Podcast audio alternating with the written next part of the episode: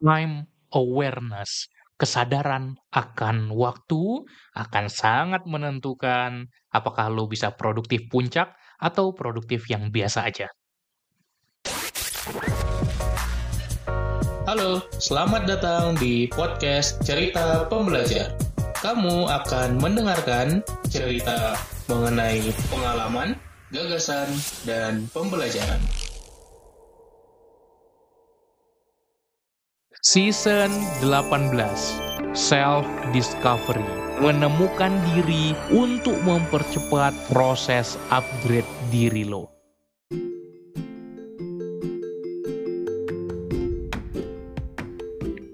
Halo hai hai, balik lagi bareng gua Umar di podcast Cerita Pembelajar.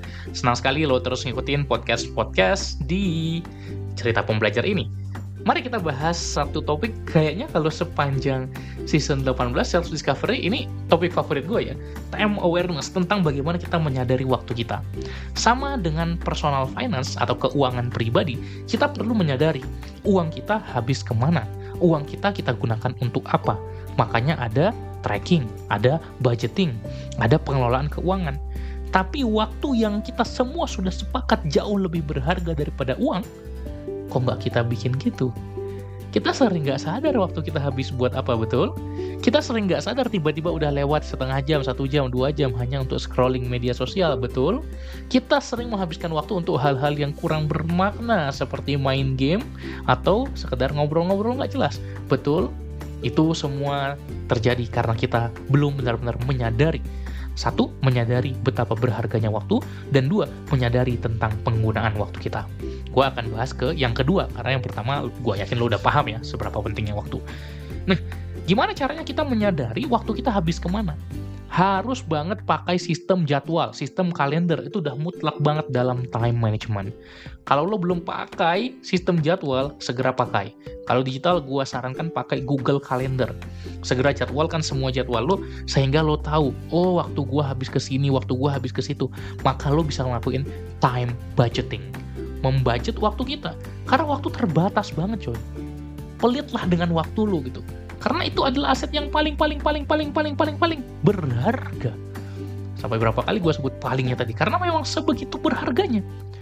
Jadi ada namanya teknik value scheduling. Kita menjadwalkan apa yang kita value, apa yang kita rasa penting. Untuk melihat seseorang punya prioritas apa, punya kepentingan apa, kita tinggal lihat komposisi jadwalnya. Gue lihat jadwal klien gue gue lihat jadwal peserta atau member kelas time control system gue bisa tahu oh lo pasti kurangnya di sini lo pasti lebihnya di sini. Kenapa? Karena udah terbentuk pengalamannya. Tapi yang terpenting gue bisa tahu apa yang dia hargai apa yang dia kurang hargai.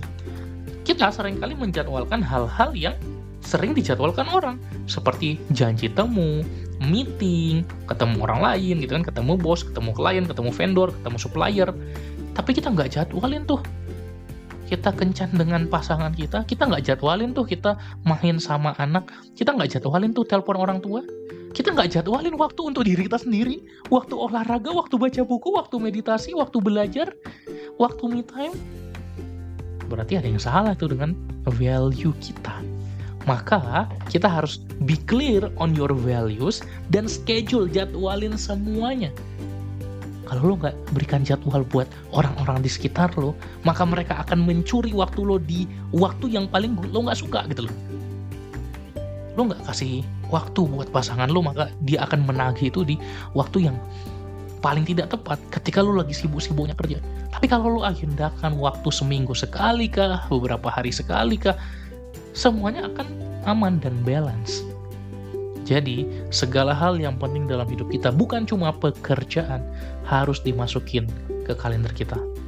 Dari situlah kita bisa membentuk time awareness, sadar, oh waktu gua habis ke mana, ke mana, ke mana, ke mana. Dan ketika kita udah melakukan seperti itu, kita baru sadar ternyata dalam satu pekan itu banyak sekali berjam-jam kita habiskan, kita buang dengan ketidakefisienan, mismanagement dalam pengelolaan waktu. Jadi yang pingin gue tanya ke lo adalah apakah lo udah punya jadwal yang benar-benar tertera di sana semua hal-hal penting? Apakah lo sudah punya time management yang bagus? Apakah lo sudah punya sebuah jadwal yang menggambarkan lo itu seorang yang seperti apa. Bukan cuma menjadwalkan janji temu, karena itu masih tingkat dasar banget. Gue pengen lo level up. Itu adalah pertanyaan refleksi untuk hari ini. Semoga bermanfaat. Kita jumpa lagi di episode-episode berikutnya. Terima kasih. Salam pembelajar.